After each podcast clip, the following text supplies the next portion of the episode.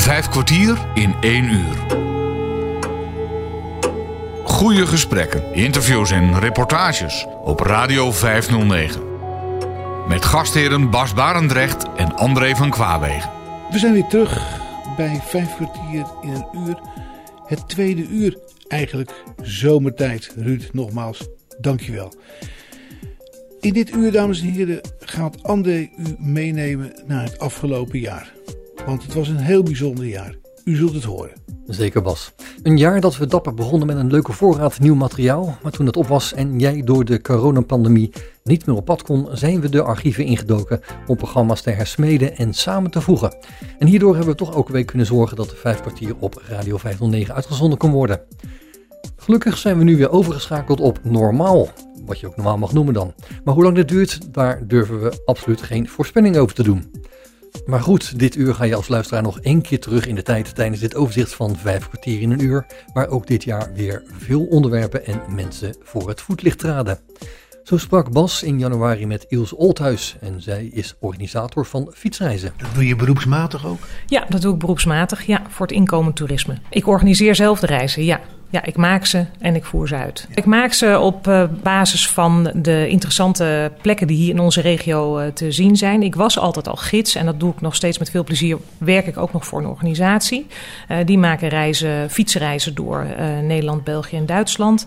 En um, nou ja, de regio waar ik woon, dat is de omgeving van Deventer, Apeldoorn, um, is een prachtige omgeving om toeristen te laten zien, maar nog niet zo bekend. En gelukkig is het beleid van, van de, de Nederlands Bureau voor Toerisme om de toeristen meer te spreiden over Nederland. En uh, daar draag ik graag mijn steentje aan bij door onze regio te promoten. Ja. Uh, hoe, hoe heb je die contacten met MBT bijvoorbeeld? Um, nou, daar heb ik niet direct contact mee, maar het is meer de ervaring. En uh, nou ja, tegenwoordig via internet, je website, kun je natuurlijk jezelf prima kenbaar maken, hè, laten zien. Um, en ja, het is vooral de kunst om de mensen aan te trekken terwijl ze de regio niet kennen. Hè? Want wat maakt het dan interessant om deze kant op te komen, terwijl Amsterdam ook nog steeds longt met, uh, met de bollevelden. Ja, ja. Oetselwaite, ja. En ja. de drukte in Amsterdam. Uh, en de drukte in Amsterdam, ja. Maar het is wel ook een stap om te zetten om dan te zeggen... ik ga een hele andere regio doen als je uh, als, uit een land als Amerika bijvoorbeeld komt... terwijl je geen idee hebt hoe Nederland in elkaar steekt. Dan, ja, dan, ja, dan moet je de mensen proberen daar van te overtuigen. Dit was ook het jaar van een rondreis door Thailand die Hans Wensveen samen met zijn vrouw Marleen in Thailand maakte. Zijn uitgebreide verslag daarvan werd in vijf delen uitgezonden en je hoort nu een klein deel uit één van die uitzendingen. Hans struint over een markt. Nou, waar we nu lopen is uh, links uh, water met allemaal die lampjes erin en die bloemen. Uh, wierook, hele doordringende lucht van wierook. En uh, rechts van mij allemaal stalletjes met uh, ja, eten en spullen. Maar echt serieus, duizenden mensen. Een mega festival dit.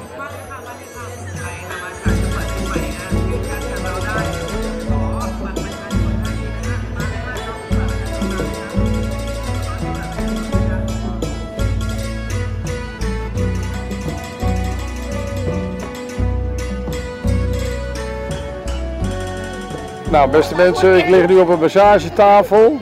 En uh, mijn voeten zijn uh, inmiddels uh, met een doekje afgenomen. En ik ga hier heerlijk liggen. Super!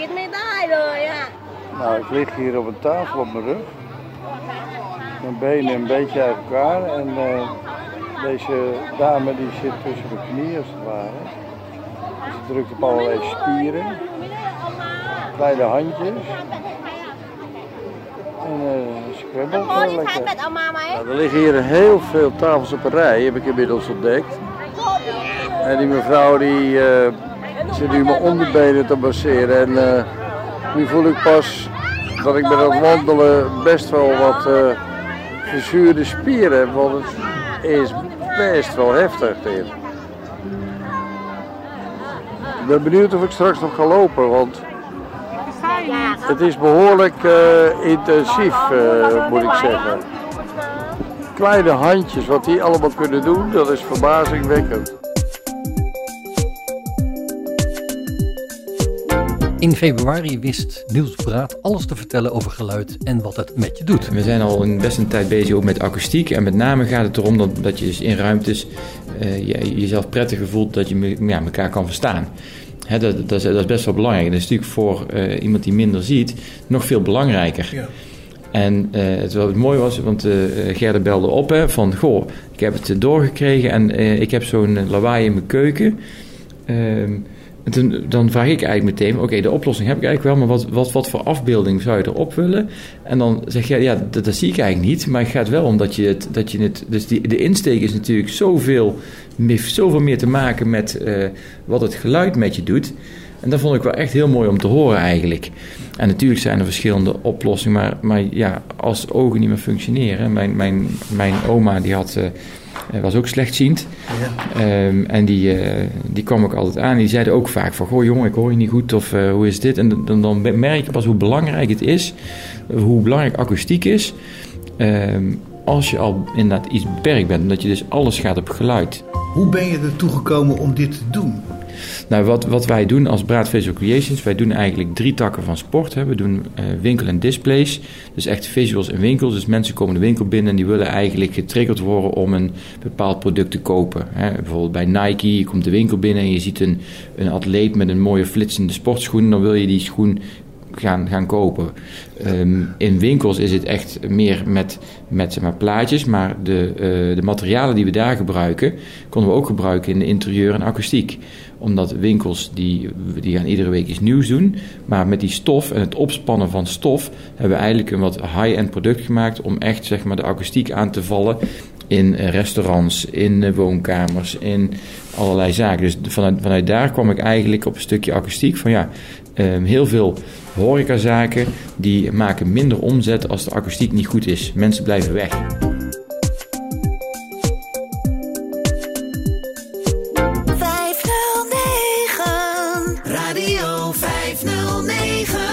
Chef van Hoorn woont in Lochem en deze man is ijsmaker van beroep. Hij vertelt in deze uitzending hoe het zo begonnen is.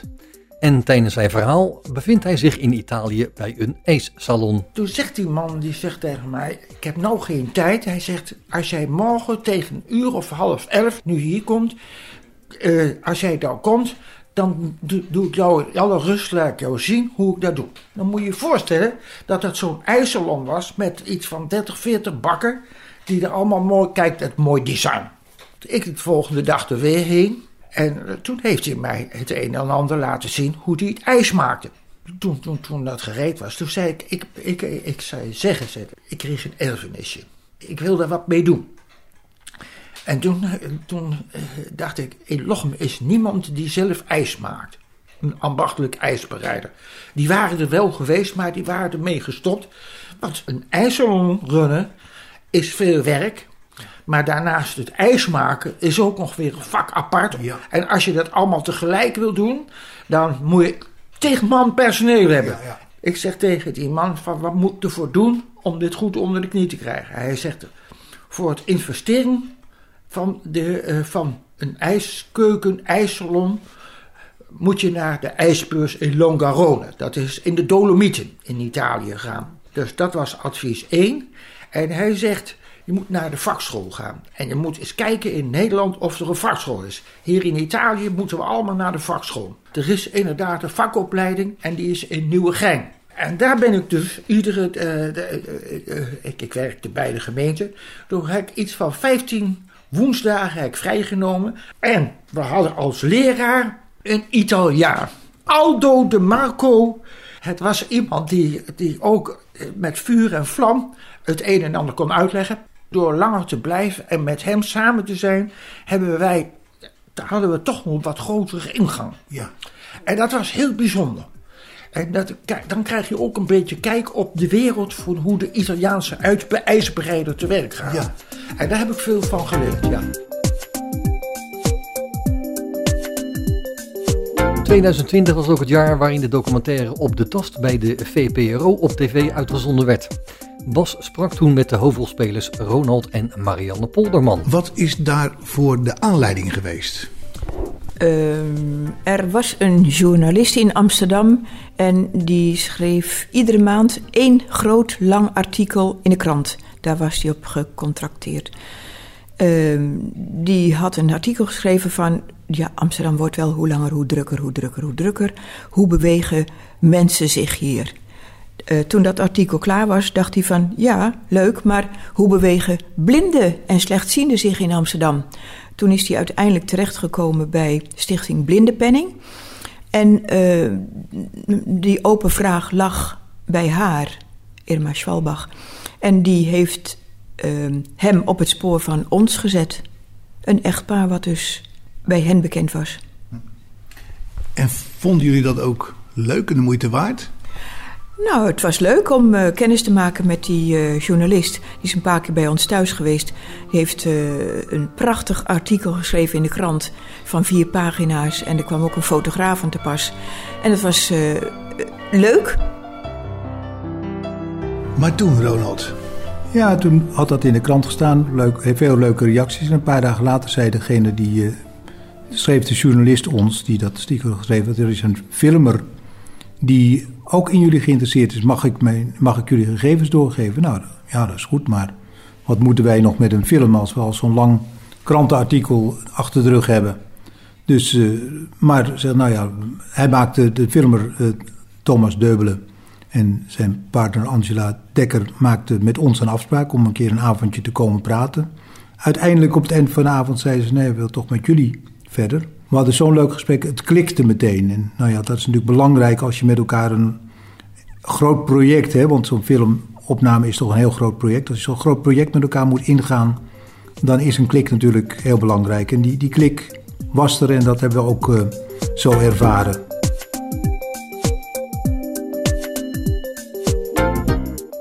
In een uitzending van 29 maart liep Bas door Borne. En dat deed hij samen met gids G. Nijkamp. Dit is de Enderkedijk, de Oosterstraat van Borne eigenlijk. En ik kan me herinneren dat we vroeger uh, schooljongens waren. Dat hier, als hier uh, de gemeente bezig ging met de gasleiding of dat de straat open was. Dat hier een knuppelweg tevoorschijn kwam. Een weg eigenlijk gemaakt van boomstammetjes. Die hadden ze hier zo uitgespreid door het drassige land om overheen te rijden. En die kwam, dan kwamen de stukken en de brokken kwamen allemaal nog uh, naar boven. Ja, en dit is de Oosterstraat van Borne waarschijnlijk. En uh, hier staan ook bijzondere huizen, zoals het Bussemakerhuis iets verder en ook de synagoge. En in deze buurt wonen vroeger ook de meeste Joden, omdat hier de synagoge is. En in deze straat liggen dus ook overal de steentjes. Hier liggen er drie, daar gingen ze in de vijf. En zo zie je ze overal hier. In deze ze met z'n drieën woonden. Ja, voor iedere persoon die hier woonde eh, ligt dus een steentje. Ja. En in Borne liggen de oudste van Nederland. De eerste die hier in Nederland gelegd zijn door uh, Demnig. En toen later zijn al die gemeenten gevolgd. Ja, ja. Toen één keer doen. Nu komen ze overal tegen. En de, ik vind het een heel goed idee. Hier liggen er vijf. Ja. ja. Dat, gezin, dat gezin bestond uit vijf uh, personen. Ja. Allemaal weggevloed. Ja. Kijk, dit is de synagoge hier. Hè? Er staat boven op een tekst staat ervoor, dat wil zo'n beetje zeggen, het huis van de Heer. Ja. En ik kan me goed herinneren, op een dag zei mijn vader, ik mocht met hem mee het radio wegbrengen. De Duitsers die wilden niet hebben dat de mensen naar Radio Oranje luisterden. Dus uh, iedereen kreeg een bericht, je moest je radio inleveren. Ja. En we hadden op de zolder nog wel een oude staan en mijn vader heeft die oude weggebracht. En... Uh, en toen kwamen we dan hier bij de synagoge en daar zaten hele donkere, uh, groenkleurige ruiten in, heel donker. En daar waren allemaal grote gaten ingeslagen. Ik wist nog helemaal niet wat dat inhield en zo. En binnen in de synagoge, daar zaten de Duitsers en hun handlangers om de radio's uh, in te nemen. Ja. En langs de muren stonden hoog opgestapeld stonden daar de radio's. In hetzelfde Borne, waar je net G. Nijkamp over hoorde vertellen, staat ook het Bussenmakershuis. En Bas liet zich daar rondleiden. U bent nu in een fabrikeurswoning. U bent in Borne, het Bussenmakerhuis aan de Ennekedijk. Als u binnenkomt, dan ziet u al een hele brede gang met allemaal Bentheimer zandstenen. Daar kwam vroeger kwamen daar de, uh, de karren met paarden die kwamen de gang in en die konden de achter weer uit. Daarachter was een beek en daar kon dan de grote um, kisten met het goed kon daarop en dan werd het verder het land in vervoerd. Meneer Bussemaker die woonde hier aan de linkerkant van ons huis en aan de rechterkant werkte hij. Hij in dit huis is nooit geweven. Uh, nu wel, door vrijwilligers, maar vroeger dus niet. Meneer Bussemaker was een fabrikeur. Wat was er nou vroeger? Daar verbouwden de boeren het vlas hier op het land. Daar moest 30, uh, 100 dagen stond dat erop, precies 100 dagen.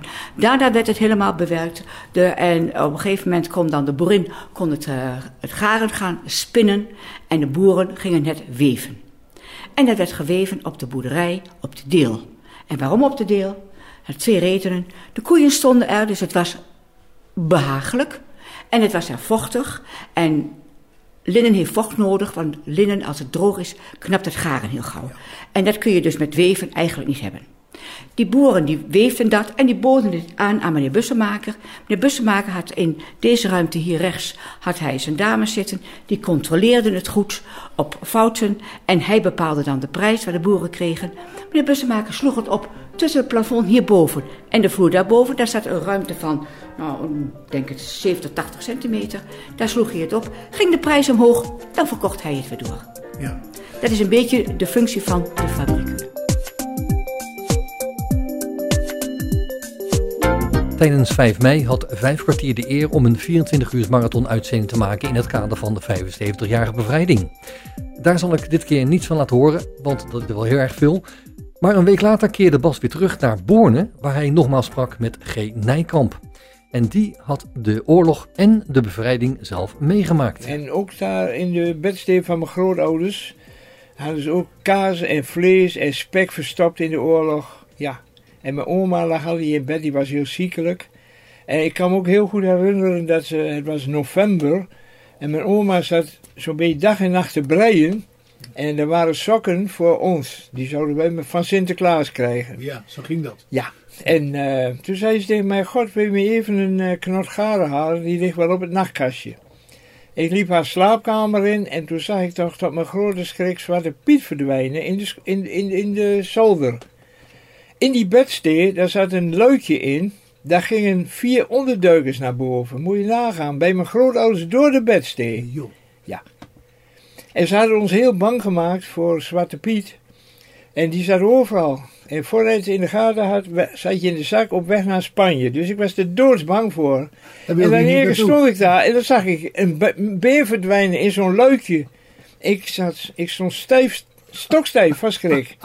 En mijn oma die kwam me na en die zei, heb je wat gezien? Ik zei, daar, Zwarte Piet. En toen zei ze, dat mag je aan niemand vertellen, want dan schieten ze ons allemaal dood. Je moest een kind in de oorlog bang maken, hè. Ja, Anders vertelde hij, ik heb Zwarte Piet gezien, die ging zo door de zoldering. Is wat? Ja. ja. En moet je nagaan, die mensen, die een van die onderdeuren, die waren van het spoor, die spoorwegen. En die, uh, die zaten op de zolder, daar. Hè, wisten wij niet. Die kwamen s'avonds als wij... Uh, sliepen, kwamen die tevoorschijn. En ook dat er geen onraad meer kwam van buitenaf, ja. daar kwamen ze naar beneden. En die hebben ook de oorlog overleefd? Ja. En toen, ook, toen stonden die mensen ook erbij, toen met die V1 s'nachts. En er waren ook vier vreemde mensen bij die ik niet kende. En ja, heb ik eigenlijk helemaal door, door dat ik zo hard teruggestuurd werd. Ik heb later nooit weer gevraagd, wat waren dat voor mensen? Maar er waren nu vier onderduikers. Vijf kwartier in één uur. In mei vertelden Kirsten en Huub Marsman over hun bedrijf Samen een koe kopen. Kirsten vertelt hoe het zo is gekomen. Maar wij waren ook gewend aan het vlees wat wij aten op Bonaire. En dat is toch heel anders dan het vlees in Nederland, want dat vlees kwam uit Zuid-Amerika. En de beesten in Zuid-Amerika leefden op grote vlaktes en hadden vrijheid. En het vlees wat daarvan gemaakt werd, dat werd in het geval van Bonaire via Curaçao naar Bonaire vervoerd in containers waar het de tijd kreeg om te rijpen. Dus als je dan uiteindelijk naar de kwaliteit en de smaak van dat vlees kijkt, was dat heel lekker en veel beter dan hier. Ik stoorde mij ook steeds meer aan het gedrag van onze Nederlanders hier en de omgang met dieren. En zeker als het gaat om uh, het, het, consumeren van vlees. Nou ja, we hadden al eens ervaring met een boerderij, onze buurman. Uh, die varkens had en daar aten wij al vlees van. En toen hebben wij ook gezegd van nou weet je wat, we gaan deze prut uit de supermarkt gaan we toch maar niet eten. We gaan op zoek naar een boer die misschien wel ons vlees wil verkopen van, van zijn koeien. We zijn natuurlijk dicht bij huis begonnen. Nou, dat was de boer aan de overkant van de sloot. Daar naar binnen gegaan, mooie ouderwetse boerderij. Uh, de, ja, de, de gezelligheid uh, straalde er vanaf. Als je de koeien in de ogen keek, die waren gewoon normaal en niet van die uitpuilende ogen. Wat wil zeggen dat een dier bang is. Dus uh, wij, wij waren daar heel tevreden over. Nou, hij vond dat leuk, maar hij zegt, ja, maar ja, dan moet je wel een hele koe kopen. Want ja, ik kan moeilijk een, een, een rosbiefje afsnijden. Dat is natuurlijk een beetje raar. Nou ja, toen zei Huub van, uh, laten we gewoon die koe op de website zetten. En dan gaan we mensen verzamelen, want er zijn vast heel veel mensen die dit ook willen. Die gewoon ook niet meer het gangbare vlees uit de supermarkt willen. En op zoek zijn. Laten we het gewoon doen. De koe werd online geplaatst. Nou, die liep inmiddels nog gewoon in de stal, maar hij heeft een oornummer in zijn oor. En dat nummer stond onder de koe op de website. Dus die koe stond in de verkoop, zeg maar. Maar op een zekere ochtend... Uh, zaten wij weer naar onze website te kijken van nou, hoe gaat het dan? Gaat de koe al, hè, hoeveel procent is die al verkocht? Want dat kan je namelijk zien op de website. En daar is het echt mee begonnen. Bas bracht dit jaar ook een bezoek aan Twello en sprak daar met de 23-jarige Arjen Klomp. Hij werkt op de fruitkwekerij van zijn ouders en weet daar alles over te vertellen. Elke zomer kunnen mensen hier langs. En uh, bedrijven neem ik aan ook uh, op grote schaal kersen kopen. Ja, dat, dat is uh, tegenwoordig de hoofdmoot van het bedrijf eigenlijk. Waar we, waar we echt onbekend staan, zijn de kersen. Waar we um, eigenlijk het grootste deel van het bedrijf bestaat uit peren, die wij hier verbouwen. Die worden alleen grotendeels verkocht aan het buitenland. Dus daar zien de mensen hier weinig van. En die kersen is echt waar we onbekend staan nu. Die zijn beroemd in de omgeving hier, kan ik wel stellen. Men kent het. Ja, ondertussen is het steeds bekender geworden. En dat is ook wel anders geweest. We zijn begonnen in 2005 met de aanplant van deze kersen. Um, na twee jaar kun je oogsten. Dus in 2007 zijn we de eerste kersen gaan verkopen. Toen ging het nog om een half hectare kersen, de oorspronkelijke aanplant. Dat liep zo goed dat ze vervolgens kersenbomen bij zijn gaan planten. Nogmaals een half hectare.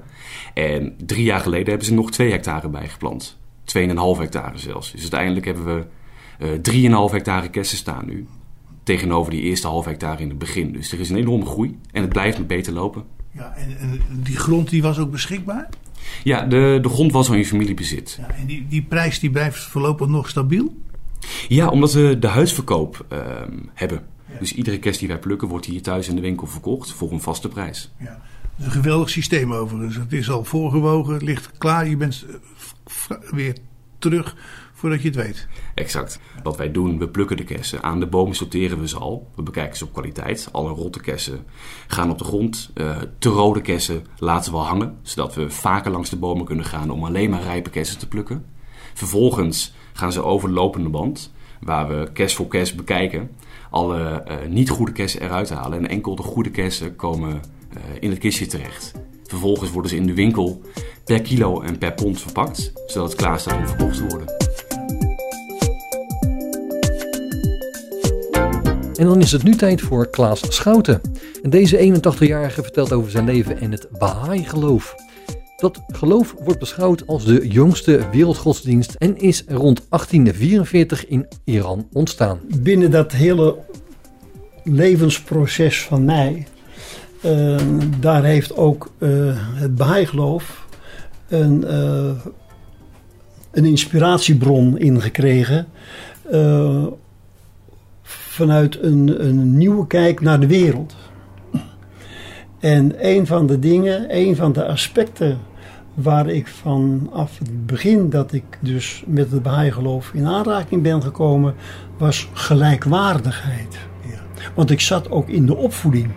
En wat is nou de gelijkwaardigheid als opvoeder naar een kind wat je moet opvoeden? Ja. Hoe breng je dat tot stand? Ja. En nou, dat, daarover nadenken en dat proberen vorm te geven. Want ieder is gelijkwaardig in zijn eigen aard. En laten we kijken naar wie we zijn en wat we voor elkaar kunnen betekenen. Want je kunt het verleden nou wel afschaffen, maar daarmee heb je eigen problemen niet opgelost. En wanneer ben je daarmee in aanraking gekomen met Baha'i? Ja, nou, dat was nog toen het Baha'i-geloof nog nauwelijks bestond in Nederland. Dat was eh, in 1968. Een van de eerste groep mensen die daarmee in aanraking kwamen in Nederland. Die kwam in gesprek met, met, met mijn zwager. En eh, nou, toen kreeg ik ook informatie daarover. En dat was in 1968. Maar ja, ik was Nederlands hervormd. En ik zat helemaal niet te wachten op een nieuw geloof. maar ik stond er dus wel ja, open voor van wat is dat? En ik heb er een jaar over gedaan. En is dit waar of is dit niet waar? Want ik kreeg te maken met een nieuwe openbaring. Dus nu is er een openbaring die gericht is op een wereldbeschaving. Vijf kwartier in één uur. Je luistert momenteel naar het jaaroverzicht van Vijf kwartier in een uur. Op Radio 509. Bas Barendrecht is een grote natuur- en museumliefhebber en ging dit jaar daarom ook naar het Natuurmuseum op de Holtenberg in Holte. Conservator Anton van Beek kon daar alles over vertellen. Je hebt uh, de, zaak overgenomen van de familie Bos, vader en zoon uiteindelijk. Hè?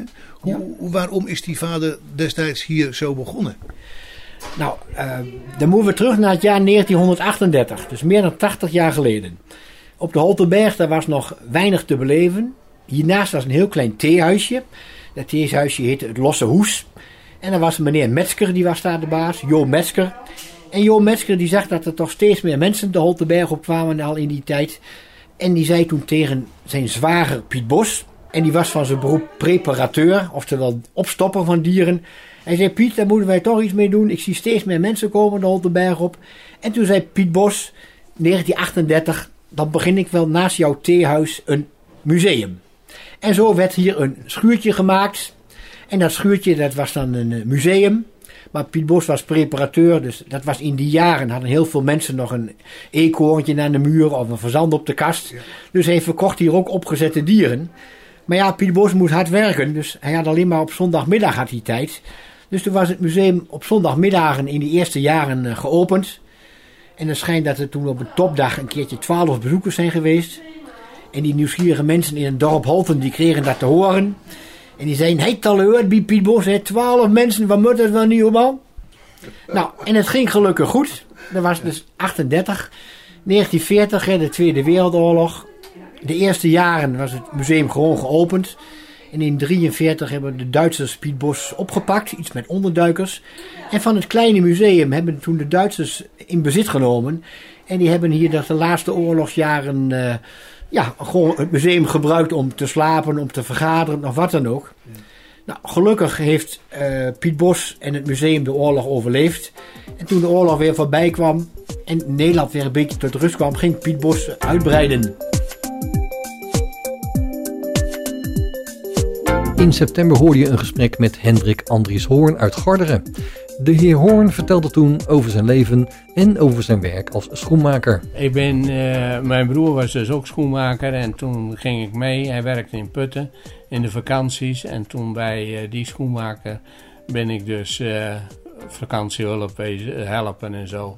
En na die tijd ben ik naar school gegaan en daar heb ik leren schoenen te maken. Ik heb in mijn leven vijf paar schoenen, hele nieuwe schoenen gemaakt. En die moest je dus maken zonder dat je aan de machine kwam. Helemaal met de hand. Met een schuurpapiertje en een rasp en een mes en glas en helemaal. En uh, zo, zo leerden we toen schoenen maken. En de leraar die zei op school, alles wat je met de hand kunt, kun je ook met de machine. Alles wat je met de machine kunt, kun je niet met de hand.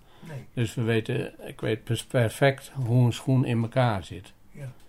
Want ik heb ook wel nog mensen die zeggen, ja, ja, je bent een beetje eigenwijs. Nou, ik hoorde van iemand zeggen, je bent niet eigenwijs, maar door je ervaring ben je wijs.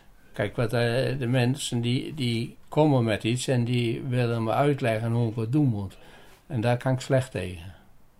Want, Want? De, als, ik, als ik het zie, dan weet ik al hoe ik het ga maken. Ja. En uh, ze hebben ook wel mensen tegenwoordig met telefoons. Ja, dat, dat en dat markeert er aan die schoen. Daar heb ik niks aan. Ik kan, ik kan op een beeld niet zien. Ik moet het materiaal voelen en zien. En dan kan ik perfect het maken. Ja. Dat is zo. Maar maak je ook schoenen nu? Eh, nee, alleen repareren. Ja. Nieuwe schoenen eh, maak ik eh, niet meer. Want Wanneer is dat voor het laatst geweest dat je dat gedaan hebt? Eh, in, de, in 60 eh, tot eh 62 Ja, ja. op school. Ja. Dat was alleen op school.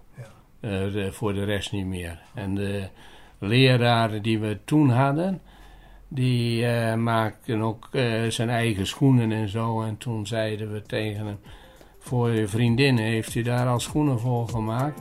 Nee, zei hij, daar moet je nooit aan beginnen, want als ze dat weten, dan moet je het altijd doen.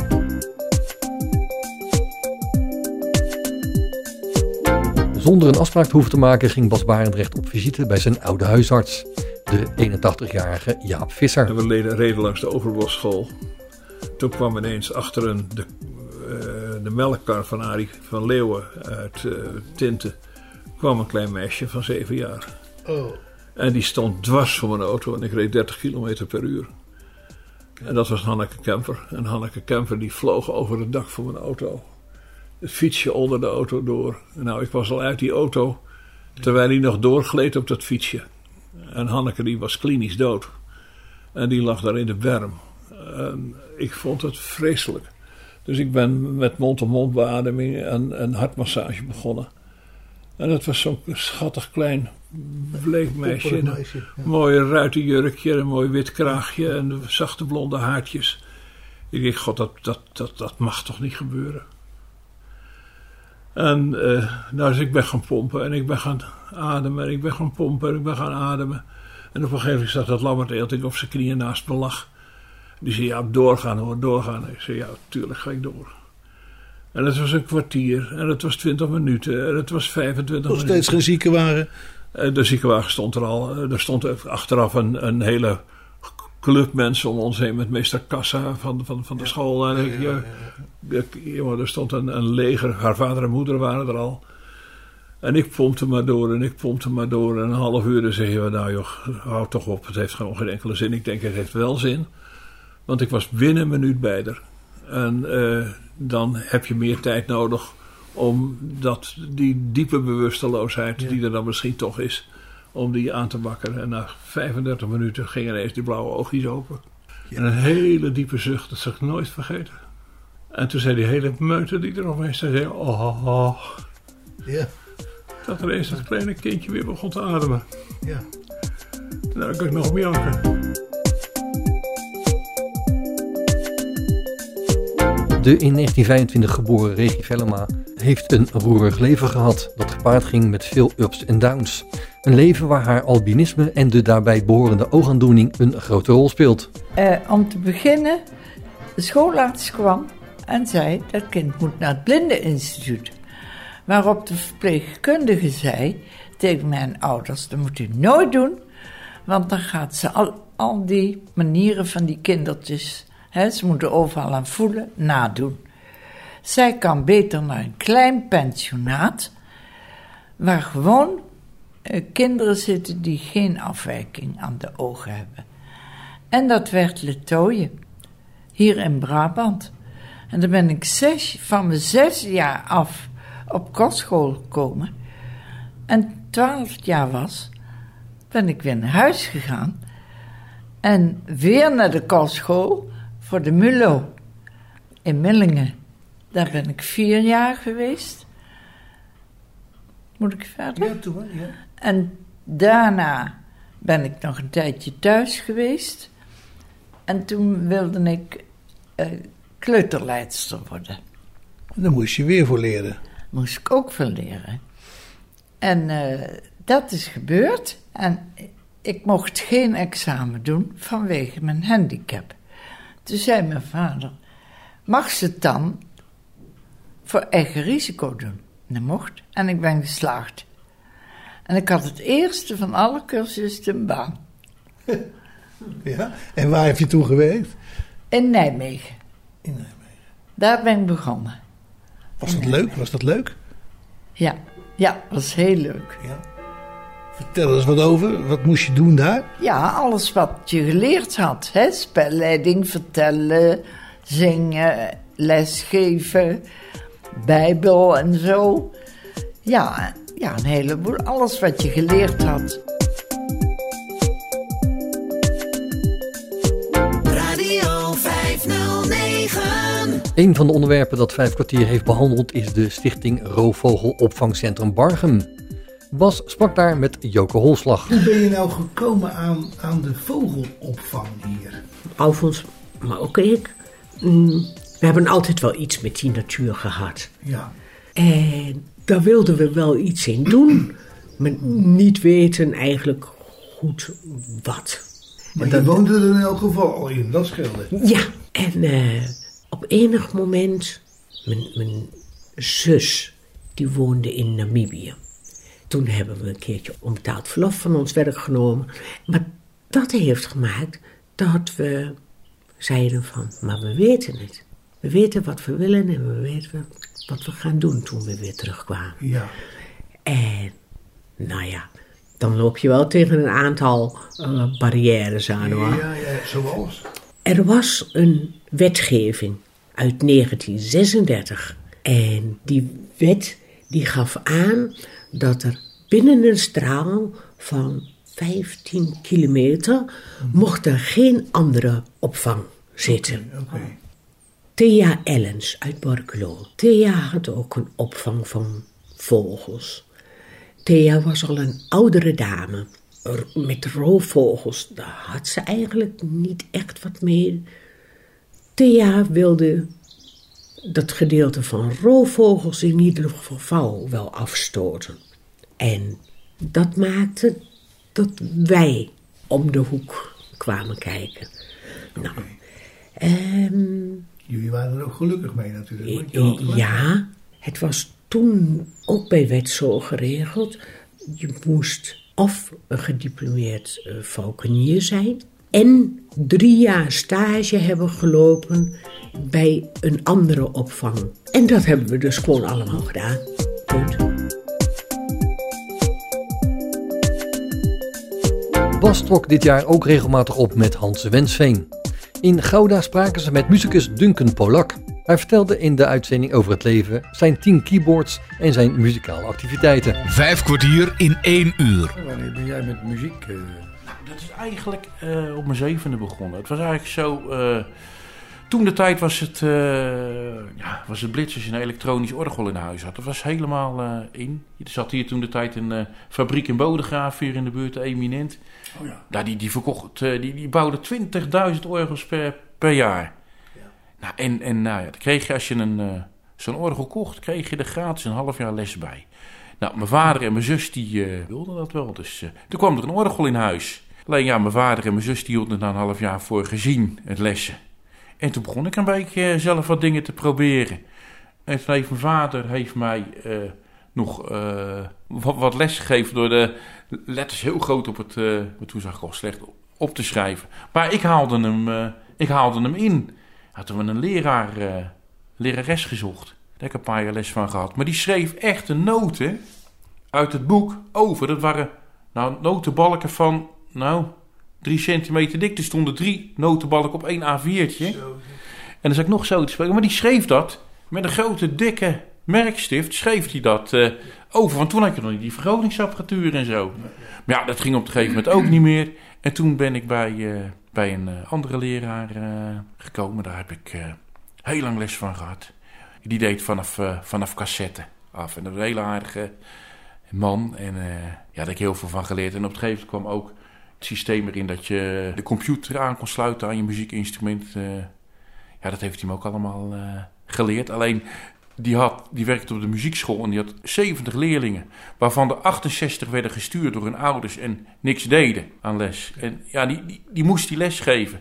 En had er maar twee, die, waaronder ik, die, die, die gemotiveerd waren. Maar hij zegt, ja, ik ga hiermee stoppen, want die werd helemaal daarover spannen. Want dat kan ik wel voorstellen. Eh, ja, die is toen gestopt. En sinds die tijd heb ik eigenlijk geen uh, orgelles meer gehad.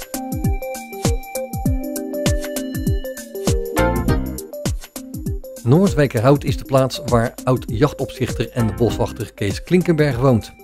Hij haalde herinneringen op over zijn werkzaamheden bij het Zuid-Hollands Landschap. Hoe zag zo'n dag eruit, Kees? Was dat overdag of werk je ook s'nachts of s'avonds? Uh, ja, heel wisselend. Heel wisselend. Hoe dacht je zelf? De, de, de, de, ja, dat mocht ik zelf indelen. Ja. En hoe groter de verrassing is, eigenlijk hoe beter of het is.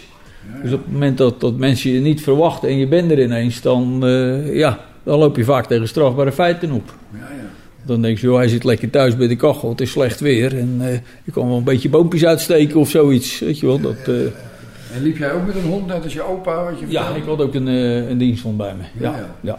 Dat dus was... je liep s'nachts ook wel in het bos met die hond? Ja, ja of ik lag ergens te posten. Of, ja, dat, je lag ergens te posten? Ja, nou ja, de, ja, je moest je toch een beetje weghouden. Ja, ja, ja. En, en later deden we dat ook wel met het hippie. Dan had ik een zo'n heel camouflage net. En dat zetten we vast in de grond. Oh ja. En dan uh, net over de auto heen. En dan kon je heel snel ter plaatse wezen natuurlijk. En dan, wel spannend. Dan reed je weg en dan uh, bleef het net staan en dan ineens was je er. En uh, ja, de verrassing is eigenlijk toch altijd ja, het beste, want dan heb je de tijd om de zaak in te schatten.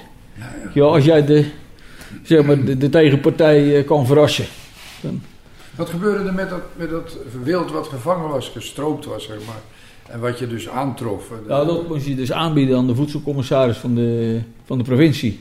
En die besliste dan wat ermee ging gebeuren. Ja, ja. Want je kon het niet tot de terechtzitting uh, bewaren over Nee, het algemeen, nee. want dan was het bedorven. Ja. En dat, uh, ja, dat heb ik ook gehad met. Uh, je had hier natuurlijk in het voorjaar veel van, van die bloemensteentjes langs de weg. En we hadden nogal veel wilde narcissen in bos staan. Ja, dat was ook wel eens tussen 200 bossen narcissen plukten. En nou, ook uh, in overleg met de voedselcommissaris, ik had ze in beslag genomen. En die zei, nou breng ze maar bij het bejaardencentrum. Oh, dus, ja. ja.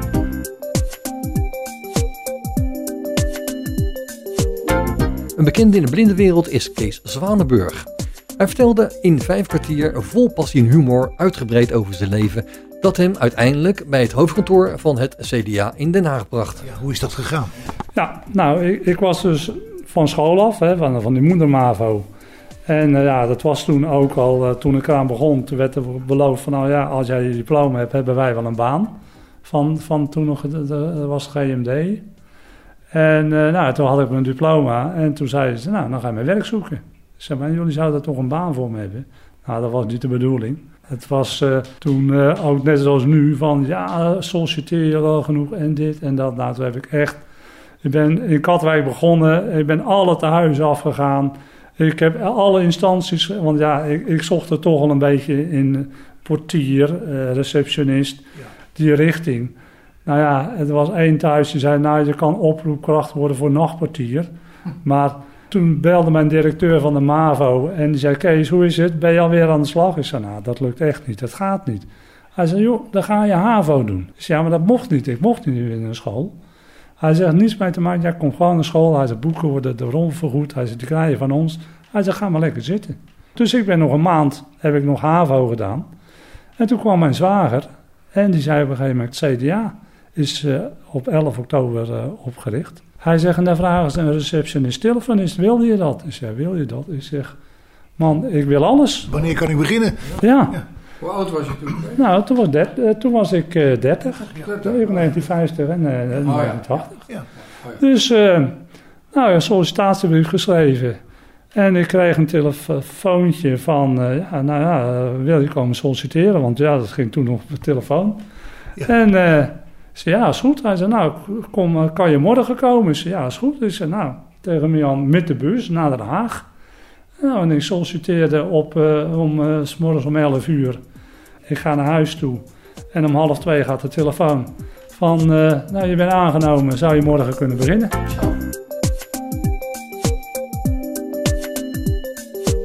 Dionne Scheepmaker heeft in haar leven twee zeer grote passies. Haar beroep als opbouwwerker en het reizen over de hele wereld. Ja, hoe deed ik dat? Ik ging met de paar woorden Spaans die ik sprak toch maar vragen wanneer de bus daar en daarheen ging. Want het scheen daar wel leuk te zijn. En ja. ik heb heel vaak in bussen gezeten uh, waar alleen maar Mexicanen in zaten. En ja, de meest gekke dingen meegemaakt. Een bus die niet kwam omdat de airco kapot was. Terwijl ik dacht het was er altijd heel erg koud. En ik dacht, waarom rijdt de bus niet? Maar ja, toen zei de buschauffeur eigenlijk van nou, Mexicanen kunnen nogal ruiken. Dus de airco moet werken. Oké, nou toen hebben we met z'n allen zeven uur op een bus zitten wachten. Maar in plaats van een bus overdag kom je dan in een soort nachtbus situatie terecht. Is dat wel veilig? Want we gaan wel naar Palenque en dat is een andere staat, uh, Chiapas. En daar zijn de guerrilla's. En ja, er worden nog wel eens wat uh, toeristen uit die bussen getrokken. Dus je moet dan wel ja, goed luisteren naar je gevoel. En het spannende was dat uh, ik toen toch ben ingestapt. En toen dacht ik, ik ben er geweest. Want zo'n half vijf s'nachts, pikdonker, reden we door de bergen. En ja, bergen, jungle wisselden elkaar af. Ik had geen idee waar ik was, want het was niet even de, de wifi aanzetten en, en bedenken of horen of zien waar je zit. En ja, allemaal stokken tegen de bus aan en een noodstop en geschreeuw buiten. Dus ik heb me toen opgesloten op het toilet. Ik had nog wel bedacht, ik neem mijn paspoort mee. Het kaartje van mijn camera, want uh, mijn foto's zijn me heilig. En ik doe niet de deur op slot, want dan lijkt het net of er niemand hier zit. En ze mogen de rest van mijn spullen hebben. Maar toen uh, bleek het te gaan om uh, verkopers van uh, fajitas en tortillas. Oh, okay. Dus midden in de nacht, ja, in Mexico kom je niet om van de honger. Ik dacht, ik neem er meteen drie om van de schrik te bekomen. En dat smaakte wel goed. Maar dat zijn wel schrikmomenten, ja. Vijf kwartier in één uur. In een café in Den Haag sprak Bas Barendrecht met Bram Rutgers van der Loef. Op latere leeftijd kreeg hij de oogaandoening ziekte van Stargardt. Dat belemmerde hem zo in zijn werk dat hij op zijn 59ste moest stoppen met werken. Dit bracht hem bij de Macula-vereniging. Toen kon ik op mijn 59ste buiten gaan spelen. Ja, Had je daar zin in? Uh, het overkwam me, zeg maar. Het gebeurde. En uh, daar ga ik er iets van maken. Nou, en toen kwam ik vrij snel terecht in uh, de Macula-vereniging. En in de, de, een van de eerste dingen die ik daar, de, twee, twee dingen die ik vrij snel in het begin deed, was een artikel schrijven over slechtziendheid en werkgelegenheid. Voor de macula-vereniging? Uh, voor, voor het blad van de, ja, ja. Van de, van de. Ja. Wanneer vertel je het je werkgever dat je er last van hebt? Hoezeer moet je aandringen op, op afkeuring of gedeeltelijke afkeuring? Of moet je dit juist ten koste van alles voorkomen? Uh, wat zijn de reglementen? Wat, wat voor voorzieningen heeft de UWV om jou op je werkplek een, een loop of andere grote lampen uh, uh, aan te schaffen. Nou, dat, dat was een zaak waar ik me bezig hield. En, en een andere zaak waar ik mee begonnen ben, waar, waar, waar, ik ja, in zekere zin best trots op was, blij mee was. Ik, ik draaide mee in een groepje toen ik zelf net eigenlijk met dat vervroegde vroegpensioen was in een groepje van mensen die nog op de rand van het arbeidsproces zaten, van de arbeidsmarkt. En sommigen wilden daar nog wel naar terug en sommigen waren net uitgekieperd of zaten er tussenin. En daar hadden we, nou, weet ik wel, een stuk of tien sessies mee gehad om nou, uitwisseling, hè, de, de, zeg maar lotgenotencontact, een van de woorden ervoor. Maar in die specifieke situatie van mensen van een bepaalde leeftijd die nog in het arbeidsproces zitten of zouden kunnen zitten. Toen dat voorbij was, toen, zeiden we, toen hadden we met elkaar het gevoel, ja maar we, we hebben elkaar nog best meer te vertellen. En uh, toen zijn we begonnen met een, een, groepje wat maandelijks bijeenkwam. En dat heette AZOW, Ander Zicht op Werk. Doordat we begonnen bij Visio en daar de kanalen ook van hadden, konden we het ook uitbreiden met mensen. Niet alleen makelaarvisie. Dat, is in zekere zin voorloper van wat later uh, makelaarcafés en oogcafés zijn geworden.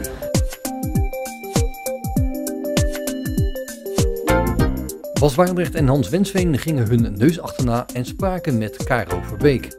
Zij is namelijk kunst- en geurhistoricus. Een geur die afkomstig was van een kunstwerk in Italië veranderde haar complete kijk op kunst. Hierdoor stortte ze zich helemaal op het reconstrueren van geuren uit het verleden, die ze dan weer tentoonstelt in musea. Ik heb in die uitzending uh, waar ik net over had gehoord dat vooral ook geuren met bepaalde uh, historische gebeurtenissen verbonden zijn. En toen noemde je zelf, uh, ik meen de, de slag bij uh, Nieuwpoort of iets dergelijks. Ja, bij Waterloo. Of bij Waterloo, ja, sorry, ja. ja. Hoe ben jij gekomen aan de geuren die daarbij hoorden? Ik kan paarden, kan ik me voorstellen. Ik kan. Modder kan ik me voorstellen, maar er zat er veel meer bij. Hoe, Ja. hoe heb je dat onderzocht? Je bent daar niet zo bij geweest. Nee, dat klopt. En ik heb dat ook zeker niet alleen gedaan. Ik heb dat samen gedaan met een neus. En die wil ik echt benoemen, want zij is geweldig. Birgit Seibrands. En zij werkt voor een bedrijf dat heet IFF in Hilversum. Eh, en ik heb samen met dat bedrijf en met Birgit aan die geur gewerkt. Ik heb eh, het historische onderzoek gedaan. En ja, daarvoor kan je in de boeken duiken. En dan weet je bijvoorbeeld dat het slecht weer was.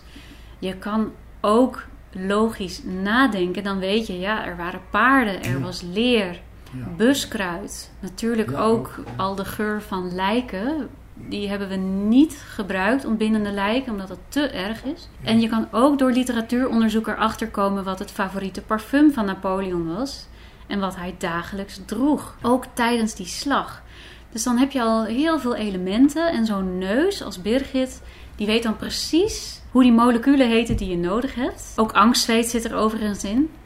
Dat ruikt anders dan gewoon zweet. Dat ruikt veel doordringender. Nou, dat, dat, dat kun je dan samenstellen. Dat heeft zij gedaan. Ja, want ik vond het heel frappant dat je zei van dat als mensen naar een afbeelding kijken van die veldslag met die geur erbij, Ja. dat de associatie zo sterk kan zijn dat mensen zelfs dingen zien bewegen. Ik vind dat zo Ja, bijzonder. ja, er was iemand die inderdaad de paarden ineens in beweging zag komen. En dat komt omdat geur in extreme mate bijdraagt aan een, de verhoging van het realiteitsgehalte.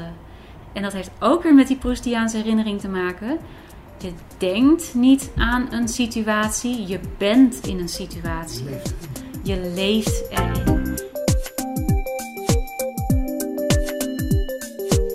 En als laatste in het overzicht gaan we naar het dorpje Terschuur.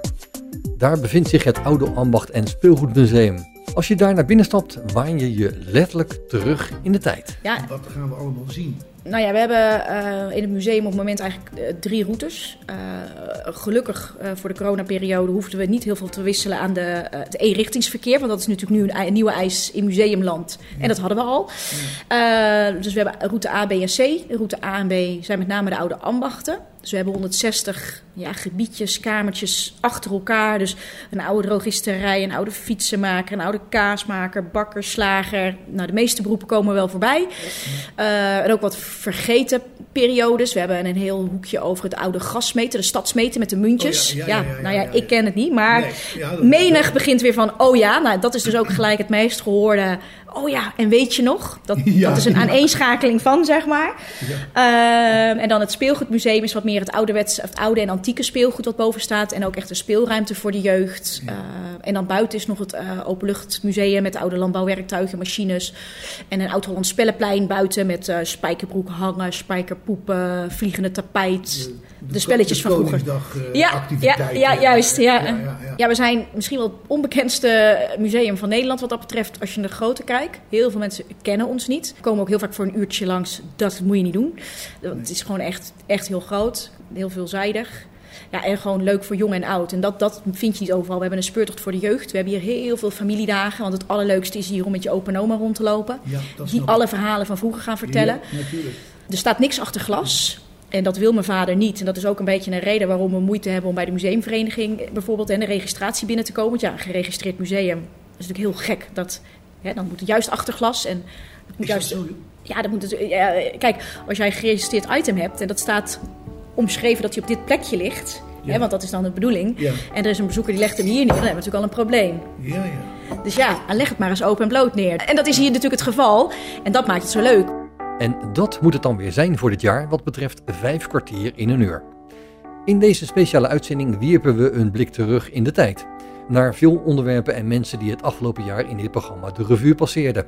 Ik bedank je, mede namens Bas Barendrecht, voor het luisteren afgelopen jaar en we wensen je een hele fijne jaarwisseling. We spreken elkaar weer op 3 januari. Heb je overigens nog vragen of opmerkingen of wil je zelf wel eens aan het woord komen? Dan kan je een mailtje sturen naar bas.radio509.nl. Geniet van de rest van deze zondag, blijf luisteren naar Radio 509 en tot een volgende keer. Vijf kwartier in één uur is een programma van Bas Barendrecht. Techniek André van Kwaabegen.